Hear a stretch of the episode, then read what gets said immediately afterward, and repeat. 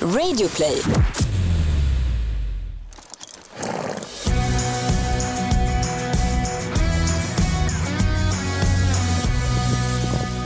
Ridklubben är tillbaka med ännu ett nytt avsnitt. Hej Rebecka! Hej Gry! Nyss hemkomna när vi spelade in det här ifrån Göteborg och Gothenburg Horse Show där vi haft en fantastisk helg. Min första GHS som jag lärt mig att det heter.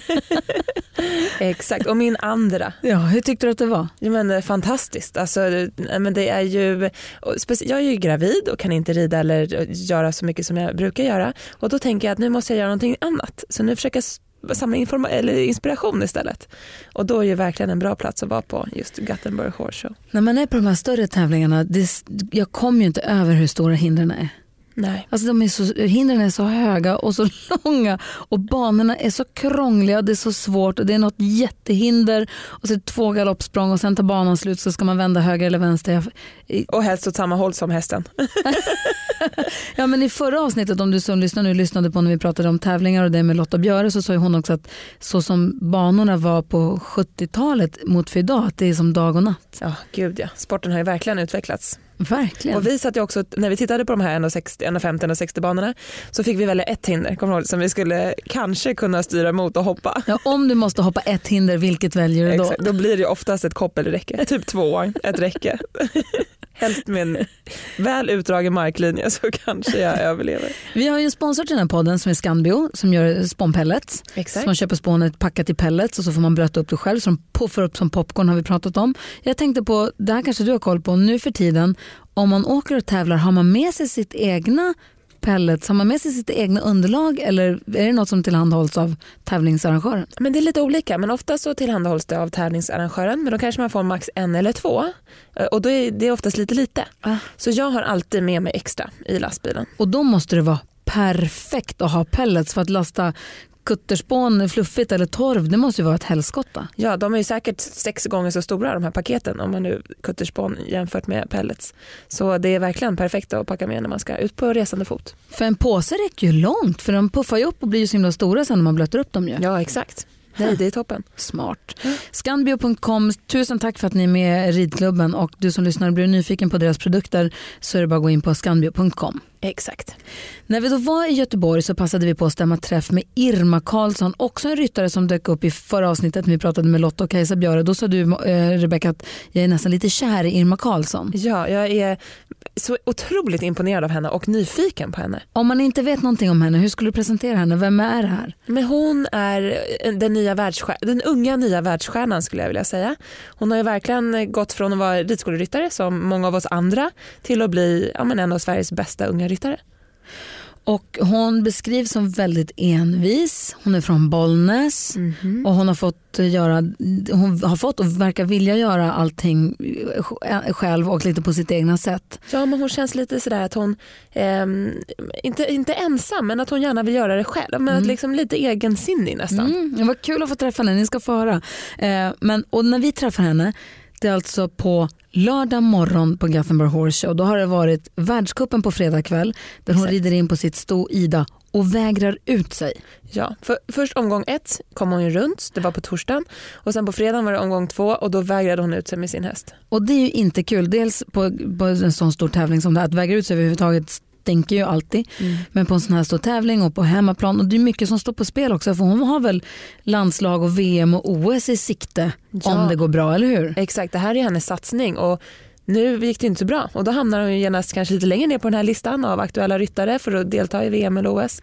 Så det, jag kan tänka mig att det för oss andra så suger det ju om det inte går bra men jag tror att för dem blir det ju det blir så mycket större grej när det inte går som enligt deras plan. Så man kan väl lugnt säga att Irma Karlsson inte gjorde hoppsa-steg in i vår provisoriska podcaststudio på Skandinavium? Eh, exakt.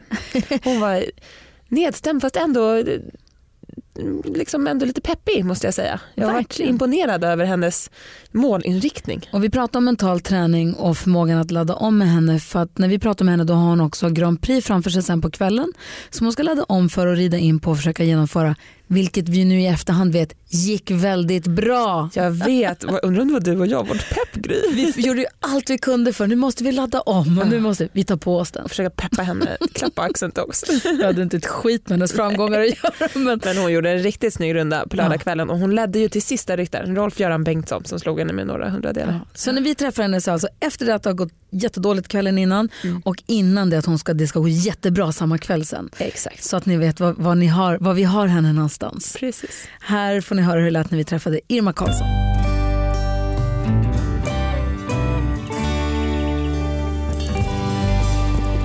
Rebecka, nu sitter vi här med 26-åringen som är på allas läppar just nu, har tagit sig till final i världskuppen och är lika envis som sin häst Ida. Varmt välkommen Irma Kristina Karlsson till ridklubben. Mm, tack så jättemycket. Hur är läget? Det är eh, ganska bra. Ja. Måste jag säga. Det är kul att vara här i Göteborg, tävla. Eh, spännande. Bra publik, alla människor är här. Ja, det är kul. Det är fantastiskt bra stämning. Mm, jättebra.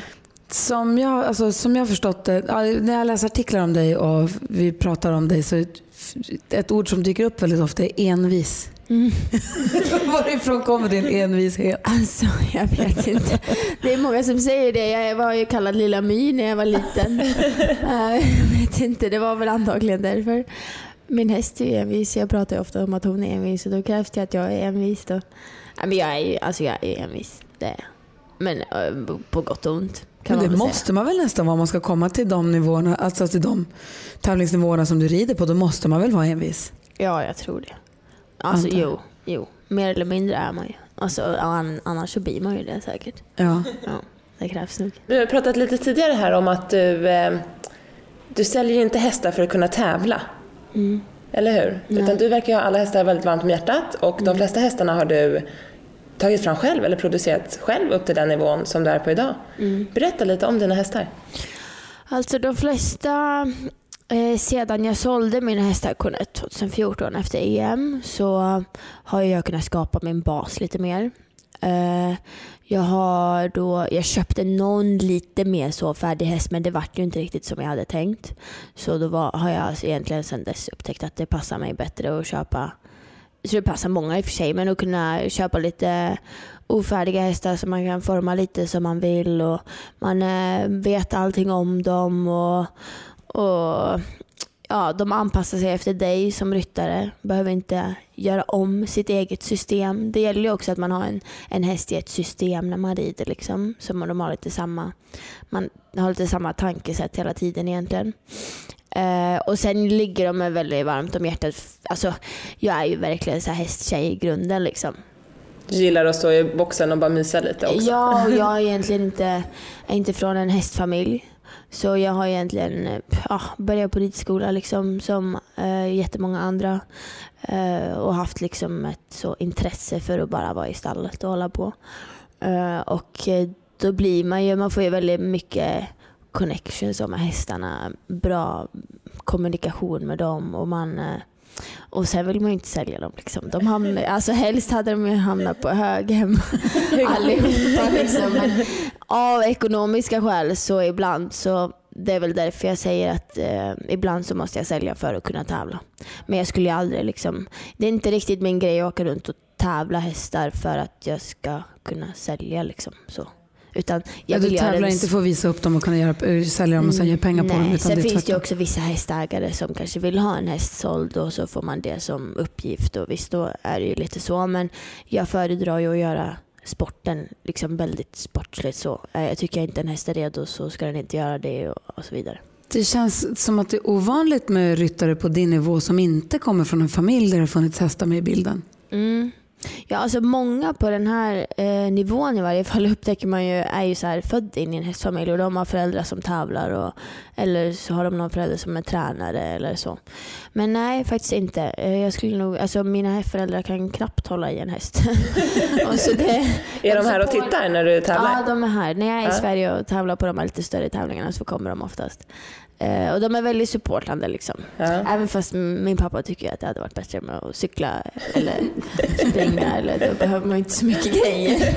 inte så dyrt och sådär. Men eh, de är supportande. Min, min syster rider ju då lite mer på hobbynivå nu kanske. Så det, från början så var det väl lite hon som skapade intresset hos mig. Liksom. Ja, för det är det man undrar också när det gick över från rida på ridskola en gång i veckan och vara skötare på en ridskoleponny till alltså resan över till där du är idag. Succén som du är inne på nu. Mm. Ja men det har väl också med alltså när jag var liten så var jag också väldigt, ja, som sagt då, väldigt envis. Eh, och eh, min syster hade lite sådana foderhästar eh, på sommaren. Och då fick man upp ett intresse för hästar. Sen var jag på såna här sommarläger och skötläger och gick på ridskolan och sen så började jag ju tjatet då liksom om att få en egen häst, en ponny. Hur gammal var du när du fick den? Ah, Jag tror jag var 9-10 år. Jag har en dotter som är nio, vi är där också. Eh, Hon går på ridskola och hon går det på är klart hon ska ha en ridläger. ponny. Det bästa är att alla säger det. Ja men och, och eh, Eh, man lär sig väldigt mycket av det och från början så, och så fick man ju, sen fick man ju börja tjata och då vill man ut och tävla. Eller för det första fick man eh, rida själv det var ju liksom en stor grej för min mamma för hon vågade inte släppa iväg mig så det var ju ett tjat först om man skulle få rida själv då ute eller liksom sådär. Så man kunde rida varje dag annars var man ju tvungen att ha någon med sig. Och sen eh, åka och tävla. Och ja, fick, Hur gjorde du då, då på tävling om inte mamma och pappa är så hästiga? Hur? men de skjutsade ju mig liksom. Ja, men sen fick du, du fick göra allt annat själv. Ja, Ja. det gjorde jag ju. De kunde väl stå och hålla i liksom så kanske på sin höjd. Men Jag tänkte anmäla till tävling och se till att de ger alla papper. Och... Ja men sånt är ändå min mamma ganska bra med liksom och, och supportande. Båda mina föräldrar är faktiskt också i dagsläget eh, ekonomer. Ja. Så de har ju väldigt bra koll på den delen i mitt företag nu också. Både bra och dåligt ändå när man vill ha på en nio år. De har ju mycket argument för ekonomiska varför man inte ska ha. Men, men, på det, ja. Men på det sättet så var de liksom väldigt supportande. Ja. Så, ja, men det, ja, ja. Så det var ju så det började egentligen. Och hur tog du steget då från att liksom hobbytävla till att hade du så här, jag vill bli bäst i världen? Eller hur kommer det Ja. sig att du liksom blev så bra? Alltså jag är ju ofta lite så att gör jag något, antingen så gör jag det inte alls eller så gör jag det 100%. ja. Jag är väldigt så. Jag är inte så här lagom och jag är lite extrem ibland. Och det, och det är både på gott och ont. Liksom. Men eh, går jag in för något då är det liksom 100%. Så oavsett vad det gäller egentligen. Eh, eller så liksom skiter jag i det. och eh, då så ja, började jag ju tävla mer och så började väl det gå bra och då kunde jag väl, det var lite motiverande att få, få en till ponny efter ett tag och sen så, men när jag gick på gymnasiet så hade jag ju lite mer, då började jag bli lite mer allvarligt och, liksom, och mer hästar och då hade jag ändå upp till fyra hästar kanske när jag gick på gymnasiet. Som var dina egna eller? Ja, Ja. Och då, för då hade vi liksom, ja, köpt, sålt någon så kunde vi köpa lite någon till och så hade min syster någon häst som hon slutade rida lite efter ett tag så då kunde jag ta över dem då. Eller då blev det att jag fick ta över dem. Ehm, men efter, och när jag gick sista året på gymnasiet så var jag ju ner till Douglas Agneta Lindelöf och eh, praktiserade i två veckor och tränade. Tog med en häst tror jag och tränade lite. Och då så fick jag erbjudande av dem då att eh, komma och jobba. Och det ville jag ju såklart då också. Och träna. Så då flyttade, så det var väl egentligen där min största liksom, förändring i just min karriär hästmässigt blev när jag flyttade ner till Skåne. Och sen den dagen, alltså jag flyttade dagen efter jag hade tagit studenten liksom. Och sen den dagen så har jag hållit på med hästar liksom varje dag och eh, hållit på med det här professionellt och verkligen satsat. Liksom. För innan var jag ändå lite så, jag, kanske, jag ville bli barnläkare eller läkare och så. Men sen då valde jag, nej men då kör jag det här helt och hållet och så flyttade jag och sen dess har jag inte funderat liksom, nej men jag kanske skulle plugga eller så. Nej, det har liksom inte varit. Rider du för Agneta fortfarande? Nej, det har jag faktiskt inte. Sen eh, förra sommaren, eh, till och med förra sommaren, eller i somras så Mm. tränade jag för henne. Men för tillfället så är det lite som mittemellan och, och är väl eh, på väg att kanske eh, börja träna för någon ny tränare och så. Så jag hittar ett bra system för det. Vem vill du rida för? Det känns Ja, som att du jag har en plan. Jag har en sån eh, dröm. Ja. Jag är ju busy med den liksom. Hon är så himla Ja. cool. Wow. Ja, och jag skulle, alltså, jag, så vill jag rida liksom. Så är det. Eh, så det, men okej, det är så här, alla olika, så mycket som spelar in om det finns möjlighet. Och, eh, både ekonomiskt och på rent praktiskt. Och de håller, många som håller till i Wellington nu också och, och tävlar. Ja, ska man ju flytta dit. Lite stor process liksom. Men eh, ja, För du känns, så, du känns som att, eh, har jag förstått det rätt, men du driver ditt, du, har ditt, du äger många av dina egna hästar och liksom gör din egen grej. Mm. Snart, det måste vara ett stort projekt att dra runt. Mm. Jo, men det är det. Eh, och jag har plus minus tio hästar ungefär. Eh, och har ju drivit min egen verksamhet sedan 2014 egentligen. Och nu för två år sedan så flyttade jag ifrån Lindelövs eh, stall Fulltofta då. Eh, och sedan dess så har jag haft ungefär tio hästar och, och Ja, men det är väl ganska mycket som hör till liksom. Så det är väl egentligen jag som driver allting förutom just pappersarbete och det ekonomiska. Även fast jag också har koll på det. Eh, såklart. Men, men det är också samma sak där på gott och ont. Jag kan ju styra allting. Samtidigt som att det, om det är något problem så är det ju jag som... alltså, lastbilen är trasig eller någon häst mår inte bra eller tävlingsplanen blir inte som man tänkt eller ja. Så, så är det ju liksom på mig. Men också är, är ju jag en sån som är lite så... Jag, då lär man sig ju ett tag att man vill ha det på sitt sätt liksom. Har du känt någon gång att så här, nej nu skiter jag i det här? Nej, Nej. alltså... ah, Man har ju tunga dagar liksom. Jo, jo, jo, men jag eh, tycker... nej, alltså jag är nog alldeles för enveten för det. Jag har liksom, jag har liksom ett mål. Och jag tänker bara att allting på vägen dit är ju egentligen bara ett steg på vägen. Och går det dåligt eller går det bra så är det ett steg på vägen dit. Dina händer är viktiga verktyg för arbetsdagen. Så den här veckan har vi 25% rabatt på alla skyddshandskar hos Swedol. Ja visst, passa på! Kika in i din närmsta butik eller handla på webben. När du köper skyddshandskar, välj Swedol för säkerhets skull. Dåliga vibrationer är att skära av sig tummen i köket. Ja! Bra vibrationer är att du har en tumme till och kan scrolla vidare. Alla abonnemang för 20 kronor i månaden i fyra månader. Vimla! Mobiloperatören med bra vibrationer.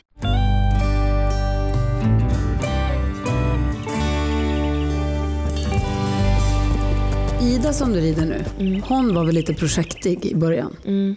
Berätta om hur hon var när du började rida henne. Hon, hon är egentligen likadan fortfarande kan man säga. Men, men man har väl liksom lyckats. Men berätta om när du hittade henne. Börja lite från början med Ida. Eh, hon eh, var ju, alltså Douglas red henne. Eh, det var Steffex Stable som, som eh, ägde henne och de bad Douglas rida då. För hon var väl lite så, passade kanske i vårt system och var lite känslig och lite så speciell. Så han tävlade väl henne några tävlingar ett tag och sen så ville de egentligen sälja henne. Så hon var väl på väg att bli såld och Agneta sa åt mig att eh, Irma du måste köpa den här hästen innan den blir såld. Så det är tack vare dem egentligen som jag har, som jag har Ida. Och då eh, provade jag henne, red henne någon gång och eh, ja, så litar jag väl på Agnetas eh, Det var en liten chansning ändå. Eller? Ja, och sen var det för min del, i varje fall i jämförelse med tidigare när jag köpt hästar, så var det ändå mycket pengar för en ofärdig häst. Liksom. Och vad är hennes eh, hang-ups då? Hon har ju sitt sätt att vara lite grann.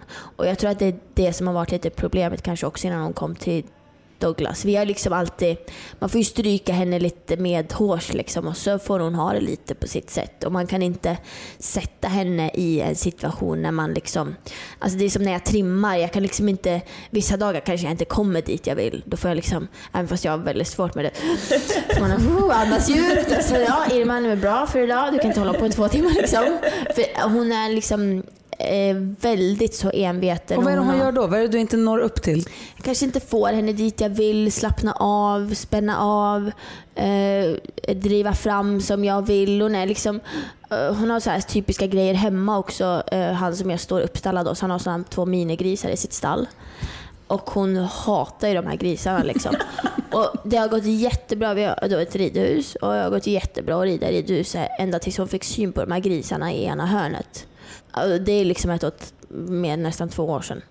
Och sen dess har jag inte kunnat rida. Jag, ibland- vissa dagar kan jag rida på 75% av ridhuset, vissa dagar 50%. Och vissa dagar då går jag bara ut, det är inte lönt liksom hålla på. För att, För att grisen var där en gång. ja, för jag Ja. tror hon känner lukten av dem liksom. När de är där nere. Eller så har hon associerat det med någonting annat. Ja. Men Hon har bestämt sig helt hon enkelt. går inte dit alltså. Jag, så jag har en egen ingång i ridhuset så jag kan gå liksom på andra kanten. Så jag kan inte gå ut och in för hon får panik. Alltså. Hon, Men jag tänker mig att många kan referera till det, även om man inte rider på din nivå och har den typen av häst. Alltså att man har hästar som har idéer i huvudet och kan vara svårövertalade. Ja, man måste hitta ett sätt som passar alla hästar. Alltså man får vara så individuell i sin... Visst, man har ju sitt grundsystem som man utgår ifrån och så. Men man måste ju anpassa sig. Den här hästen behöver det här och den funkar bäst så och den mår bäst så och den är mest avspänd. Och, alltså, så sådana grejer har hon ju väldigt mycket för sig. Liksom, samma som att hon bestämmer ju rätt mycket i stallet. Liksom, och har, sen får man ju liksom ha det lite i balans. Man kan ju inte låta dem ha precis som de vill. Ibland så får man ju ändå liksom... Ja, Man bra. pratar mycket om mental träning och mental, mental coaching och sånt för ryttarna. Mm. Men vi måste också vara den mentala coachen även för hästen. Mm. Och den är klurig alltså ibland. Men det är ju så, man måste ju vara lite smartare än sin häst för att de är ju stora djur, vi kommer ju aldrig kunna Egentligen, de är ju större än vad vi är, men de tror ju inte att de är det, vilket är tur. Men jag tänker också, där måste man ju välja sina liksom fighter med hästen. Lite som du, jag kan tänka mig att du gör med Ida, att du kanske inte går in i en fight med henne för det är inte värt det. För att ni kanske bara går, eller du känner att det är ingen idé för det kommer inte komma något lönt ur det här. Nej. Och någon gång har jag ju varit på väg in lite där liksom Ja. och känt på att oj Irma nu tog du nog lite för långt och det hjälper inte någon gång. Liksom. Aldrig att jag har varit i, i eller okej nu eh, bråkar jag inte aldrig med mina hästar men liksom när man känner att oj nej, jag har ju aldrig hjälpt med någon häst egentligen. Aldrig. Nej, men, när man utmanar det där ödet. Alltså, Ja. så här, om det är någon häst som är lite rädd för ett hörn eller håller på att tramsa med någonting. Att så här, rida runt i en volt i det där hörnet kanske inte är värt det. Utan bara skit i det, rid inte i det där hörnet och så kanske det går jättebra dagen efter. Eller liksom, Ja, det är inte, alltså, då, oftast gör de ännu mer rädd. Liksom. Ja. Bara hopp, andas ut en gång och sen bara ja, Ja. det är så. hitta på något sen, annat. Eh, vi pratade med Lisa Bratt och hon, vi, frågade, eh, vi frågade henne vad vi, hon tyckte vi skulle fråga dig. Och då var, handlade det just om den mentala träningen också. Hur jobbar du? Har du någon mental träningscoach eller hur jobbar du med din mentala träning? Alltså jag, jag jobbar ganska mycket med det. För det har ändå varit en eh, svaghet hos mig om man säger så. Eh, så jag har en, eh, en schweizisk eh, kvinna, kanske man säger, som heter Ester Müller. Hon har jobbat lite med landslaget tidigare. Som är min mentala coach. Och jag började jobba med henne när jag vann mitt EM-guld 2014. Och hon är superbra. Men det ska, man ska ha en sån person som man, när man ser dem så ska man bara oh, shit, blir på bra humör, man känner sig trygg liksom och, och allting bara fungerar. Men alla har ju liksom sina olika system. Men för mig är det jätteviktigt att hitta ett fokus. För att mina hästar är ju liksom, de är ju värd min, alltså fulla mitt fulla fokus. Liksom. För, för eh, precis som att jag jobbar på dem så måste jag jobba på mig själv. Om det är så att jag är på gymmet eller springer eller jobbar på mitt mentala eller oh, vad det nu kan vara. Det är ju hur mycket som helst liksom. Så är ju det, eh, det väger ju samma liksom. Alltså du kan inte, man kan inte bara träna hästen för då kommer man inte att bli tillräckligt bra liksom. Tror inte jag. Men framförallt så måste man inse det själv att man behöver den hjälpen. Mm. Och vissa behöver inte den hjälpen. Vissa är ju inte alls nervösa. Vissa behöver ju hjälp. Vissa behöver ju nästan mental hjälp med att bli nervös. Och tagga till lite? Ja. Och jag kanske är lite tvärtom. Eller liksom, och så alla säger ah, men Irma du ser alltid så lugn ut och det här norrländska lugnet och du är iskall. Liksom. Ja, men, och, så, och det är så här, man har intalat sig själv att det ska vara så. Och då får man skapa det själv. Liksom. Men blir du Ja. nervös? eh, ja, det skulle jag säga. Typ. Hur, vad händer då? Eh, eller mer kanske tvivlar på mig själv. Ja. Och det är nog ganska många som gör Ja. just inom ridsporten. Om man vill göra sitt bästa för sin häst liksom. De är ju, alltså ja, man gör ju egentligen allt för dem liksom. Jo, eh, jo men det skulle jag säga. Men när jag väl är där, jag är ju ändå en sån här som nu har lärt mig att hitta det fokus. Så när det är såna viktiga, viktiga klasser, då hittar jag oftast ett väldigt lugn liksom. Men för jag, kan inte, jag blir också nervös ibland och oftast så, ehm, och kanske om man ska du vet, gå upp en klass eller göra något som är lite svårare än vad man har gjort tidigare och man har ju tränat för och känner sig ju verkligen förberedd. Men så blir man ju ändå nervös och ofta så är ju, inte för att jag är rädd att jag ska typ göra mig illa eller skada mig eller att det ska hända mig någonting, utan att jag ska råka sätta hästen i en situation där det inte känns bra. Att man liksom sätter sin häst i en dålig eh, situation. Mm. Eh, och det är kanske därför man blir nervös. Och då är man ju inne i det här att man tänker att det kommer gå dåligt, Mm. vilket inte alls är bra. Och där kan jag tänka mig att den mentala biten hjälper en mycket. Liksom. Ja, Hur ska man tänka om man får så här hjärnspöken när man ska hoppa bana? Eller? Man måste nog hitta liksom olika metoder eller vad man kallar det för att eh, få bort det. Och det. Mental träning handlar ju väldigt mycket om att man ska tänka på det som är relevant att tänka på. Tänk på vad som kan göra dig bättre. Istället för, men eh, för, för speciellt tjejer som rider tror jag, tror jag har liksom, eller det kanske är killar också, men vad jag har upplevt det som, många som pratar med mig då, så är det många tjejer som liksom fokuserar på vad som kan gå dåligt. Ja. Och vad som... är svårt? Eller, Ja. ja. Och jag har också varit en sån, oj nu står den här här och kollar. Eller oj jag vill verkligen, nu är de här bra ryttarna här, jag vill bevisa för dem att jag är bra. Folk bryr sig inte så mycket liksom. Alltså i slutändan så bryr ju du dig mest. Ja. Och folk, ja, du tänker ju, du gör det ju till en stor grej själv. Ja, Jag tror att du har så rätt i det. Ja, de står ju där och kollar men inte dömer de dig. Sen har de säkert massa åsikter men det hjälper ju inte dig någonstans. Liksom. Du, har ju, du får ingenting ut av det. Och så åter tillbaka till det här då, vad gör dig bättre? Och inte av att tänka Mm. på dem i varje fall. Tror jag inte. Har du några små konkreta tips som du och din mentala tränare har jobbat mycket Alltså jag har lite så triggers eh, som jag använder mig av för att liksom eh, hitta en viss känsla.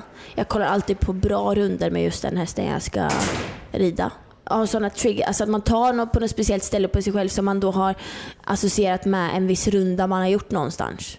Som dyker upp då i huvudet liksom. Hur menar du? Vad Ja, intressant. men exempelvis att du trycker dig själv i handen och varenda gång du trycker dig där i handen så tänker jag exempelvis på när jag kom trea i världscupen i Madrid. För jag red bra där liksom.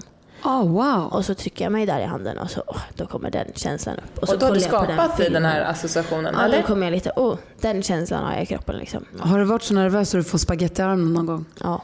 Ja. Ben mest. Jag med! Ja, Visst är det hemskt när det händer? Men det kan hända så här hela vägen till ettan och sen efter ettan så är det borta. Sen är det så här, man måste ju också i slutändan acceptera för sig själv, jag är nervös liksom. Jaha, okej.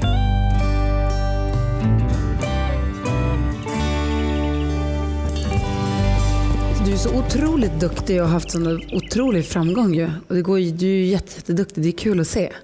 Just när vi ses så hade du en lite mindre lyckad ritt igår. Hur, blir, det- hur blir du då? Ja, då är man ju liksom på botten. För, det är ju, alltså för mig så är det här hela mitt liv. Liksom. Men så får man ju i slutändan tänka så här, ja, det här är ju då, jag vet ju att jag åkte hit, jag gjorde min första världscupfinal. Eh, Jag visste att jag hade mål som jag inte uppnådde då. Ha, jag kan inte göra så mycket åt det nu, liksom. jag kan inte göra om det. Eh, och återigen, vad gör mig egentligen bättre? Liksom? Jag är inte av att gå och tänka på det. Jag har en Grand Prix som jag ska hoppa ikväll klockan nio. Kommer inte hjälpa mig att tänka på igår. Snarare tvärtom. Eh, så jag tror jag är liksom tillbaka till den där bra, den bra känslan. Min mentala tränare säger alltid stay on the highway. Liksom. Igår tog jag en liten exit och då tillbaka. bara, alltså det, Ja. det, man, det är bara att köra på. Man får, alltså jag är fortfarande nere idag liksom, men det, är bara, det, det kommer hända så många gånger. För jag menar, vi kan ju sitta och säga att det kommer gå skitbra. Eller du Ja. vet, så här, man kan ju peppa, folk runt om kan ju peppa och säga, men du, du, måste ju, du måste ju landa i den känslan i dig att det är klart du kommer, det är klart du kommer gå galant. Ja, och så tror jag man måste liksom lite grann respektera sig själv. Alltså, vad fasen. Ja. Det, det, du var inte ditt bästa igår och ja, så är det liksom. Nej, för även om det går dåligt en gång så är du ju jätteduktig. Mm. Och du är ju inne på en succéresa ju. Mm. Och som du säger, det är en liten exit bara, sen så upp igen. Och det händer ju också alla. Eller liksom, det händer ju Ja, verkligen. Alla ramlar av eller det blir inte som man tänkt sig eller ja. Och varenda gång det händer så blir man ju liksom bättre på att ta det egentligen. Och för sådana som oss som är hobbyryttare, ja, du är lite mer än hobbyryttare, men som, vi satt och sa det på läktaren igår när vi satt och kollade på tävlingarna, man ser alla den här världseliten och så kommer in någon som river varenda hinder. Och det kommer in någon som kommer lite fel på nästan alla hinder. Och att inte alla kommer perfekt och går felfritt. Och det är inte bara alltså de perfekta rundorna är också kul att se, men också lite trösterikt för oss att se att även ni på världseliten, att fan det gick inte, det gick inte perfekt för honom eller för henne heller. Vad skönt. Alltså förstår du? Har du något stöd här eller någon som kan hjälpa dig eller Ja, någon jag som är har på vänner framhoppningen? som Eller? jag eh, har här som är bra stöd. Så, Ja, bra. liksom. eh, bra kommunikation med min hästskötare. Men sen har jag ju mina, jag har alla mina noteringar från min mentala coach. Jag går alltid till gymmet och springer lite innan, några timmar innan klassen för att hamna i fokus. Eh, och då är jag där Men tillbaka. är du liksom. ensamvarg? Ja, lite så. F- Med flit? Ja. Alltså jag är ganska... ehm, vad ska man säga? Alltså jag gillar... Jag får inte panik av att vara själv liksom. Mm. Jag gillar att styra ganska mycket själv. Det är därför också jag försöker äga ganska mycket hästar själv. Eh, Äga min egen satsning om man säger. Eh, Men sen är jag alltså, alltså jag är uppe från Norrland, jag bodde helt ute i skogen liksom. Jag har alltid fått vara själv och mina, alltså jag var i stallet liksom.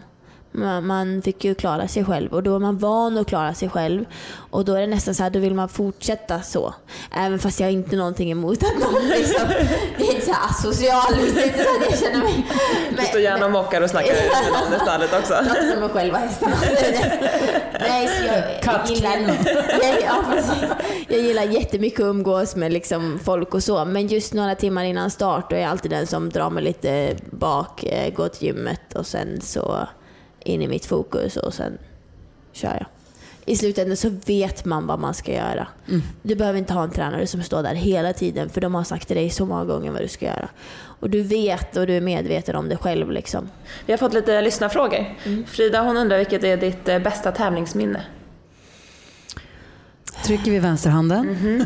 Ska jag ta fram bästa Precis. tävlingsminne? Alltså, jag har lite, men om jag ska välja en då, då tror jag faktiskt att jag skulle säga Madrid. För det är en sån här, äh, när jag kom till världscupen nu i slutet på förra året. Det är en sån här gång som jag känner att oj, jag hade nog inte kunnat gjort någonting bättre. Liksom. Jag är väldigt, väldigt sällan som jag är nöjd när jag åker hem från en tävling och kan säga att oh, shit, nu det är allting bra. Liksom. Det är alltid såhär, oh, fasen, jag skulle... Det här var lite... Alltså, man, är- jag är alltid kritisk liksom. Ja. Och, och, oavsett om man, om man har vunnit liksom, så tyckte man att det där var, hade man kunnat gjort bättre och så vill man vinna igen. Liksom. Man glömmer det lite för snabbt nästan. Så är jag. Liksom. Men jag skulle nog säga Madrid. Skittrist yrkesval då att ha ett jobb där man alltid lite missnöjd. Det där måste du ändra på. Det. Ja, men det måste man ju lära sig lite grann. Liksom, och, och hitta. Men Madrid är väl kanske ett bra steg på vägen då? Att där är det ändå Mm. en tävling där du känner dig nöjd med dig själv. Och sen tror jag det är viktigt också att man inte blir nöjd, Mm. för då tror jag inte man blir bättre. Nej. Nej, men- när, du, när du är nöjd då är du ju efter alla andra. Ja, exakt. På en gång. Men berätta lite om känslan i Madrid. Bara lite... Jag hade väl inte den bästa starten på tävlingen där. Den första klassen gick inte så bra. Så jag fick liksom helt ladda om. Eh, trimma på lite mer. Eh, göra det jag Få får Ida till så som jag vill ha henne. Och sen bara stämde allting. Liksom. Jag kan kolla på den rundan hur många gånger som helst och gå in på SVT Play och liksom, du vet, man kan höra alla kommentarer och bara... Hon hoppade så bra och det var liksom bara bra. Och, jag var, och omhoppningen också, jag väl avvägt, jag kom ju trea. Jag, jag gjorde inget galet, jag vann inte liksom. Men eh, nästan så att jag är mer nöjd med det än när jag vann EM och jag vann. Men då tyckte jag kanske att ah, det skulle jag gjort lite annorlunda och det skulle jag gjort. Ju- Just för det här för sig själv liksom, så är man nöjd. Och det var en bra känsla. Vad letar du efter i en häst? Eh, för mig så är en väldigt viktig del mentaliteten på en häst. Eh, typ som en sån häst som Balahe som jag har här. Älskar en sån häst som henne. Det är din som speedhäst, eller hur? Ja, Den som precis. är typ Som bara ja. kör liksom. Hon vill alltid göra rätt. Ida har också en jättebra mentalitet liksom, men hon är lite mer speciell då på sitt sätt. Men jag skulle säga bra mentalitet, för det spelar ingen roll hur mycket kapacitet en häst har om de inte vill göra rätt. Liksom. Eh, De ska vara försiktiga och modiga. Eh, Sen gillar jag också när de har lite nerv och så. Jag, gillar, eller jag är mer för sådana hästar än hästar som är lite långsamma och kanske lite tyngre att rida. Både för mig fysiskt sett och hur mitt system är att träna en häst så passar det bättre på en häst som är lite mer så går, springer lite av sig själv och är lite framåt. Du refererar till ditt system ibland. Vad, vad, hur, vad är det? Ja, Eh, jag skulle nog Kallar det för ganska okomplicerat. Jag tycker att ridning ska se enkel ut när den är bra. Däremot så är det ganska svårt att komma dit till att det ser enkelt ut. Men eh, väldigt så här basic. Eh, jag vill rida lätt, alltså light and easy brukar man kalla det. Liksom. Eh, jag vill att hästen ska vara framme för skänken. Den ska lyssna framåt, den ska lyssna bakåt, den ska lyssna åt höger, den ska lyssna åt vänster. Basic liksom. Den ska vara i balans. Ja, men, men det enkla. Det måste inte vara så perfekt hela tiden. Du måste liksom ha en häst som är lite med i fighten och, och fightas med dig. Och då tror jag att du har en, en häst som länge i flera år kommer att hoppa felfritt och fightas. Liksom. Eh, om, du inte gör, om du gör allting perfekt så kommer hästen att tröttna lite efter ett tag tror jag. Vi brukar alltid be våra gäster om deras bästa stalltips. Vilket är ditt? Det kan vara allt från eh, skötsel till ett knep när man knoppar eller lindar benen eller ta hand om utrustningen eller i ridningen. Det kan du välja helt själv. Jag tror nog att jag kanske skulle tipsa att man ska, att man ska lära sig att vara eh, Jag hade en tränare en gång som frågade mig ah, vem är världens bästa tränare. Och då sa jag till honom, ja det är du såklart. Jag vågade inte säga något annat. ja, och då sa han, nej men det är du liksom. Jag tror man måste bli sin egen, eh, sin egen tränare hemma. Alltså varje dag. Äh, du kanske tränar för en tränare en gång i veckan. Men jag tror att du måste varje dag vara din egen tränare. Påminna dig. Du måste bli bättre för varje dag.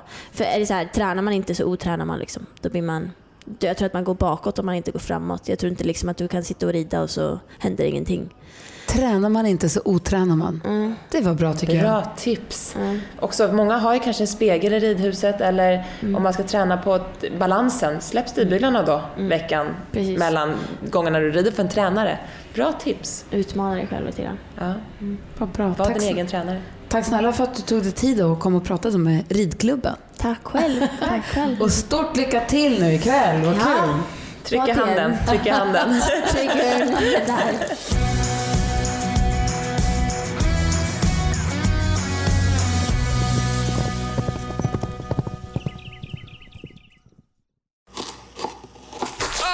Dåliga vibrationer är att skära av sig tummen i köket.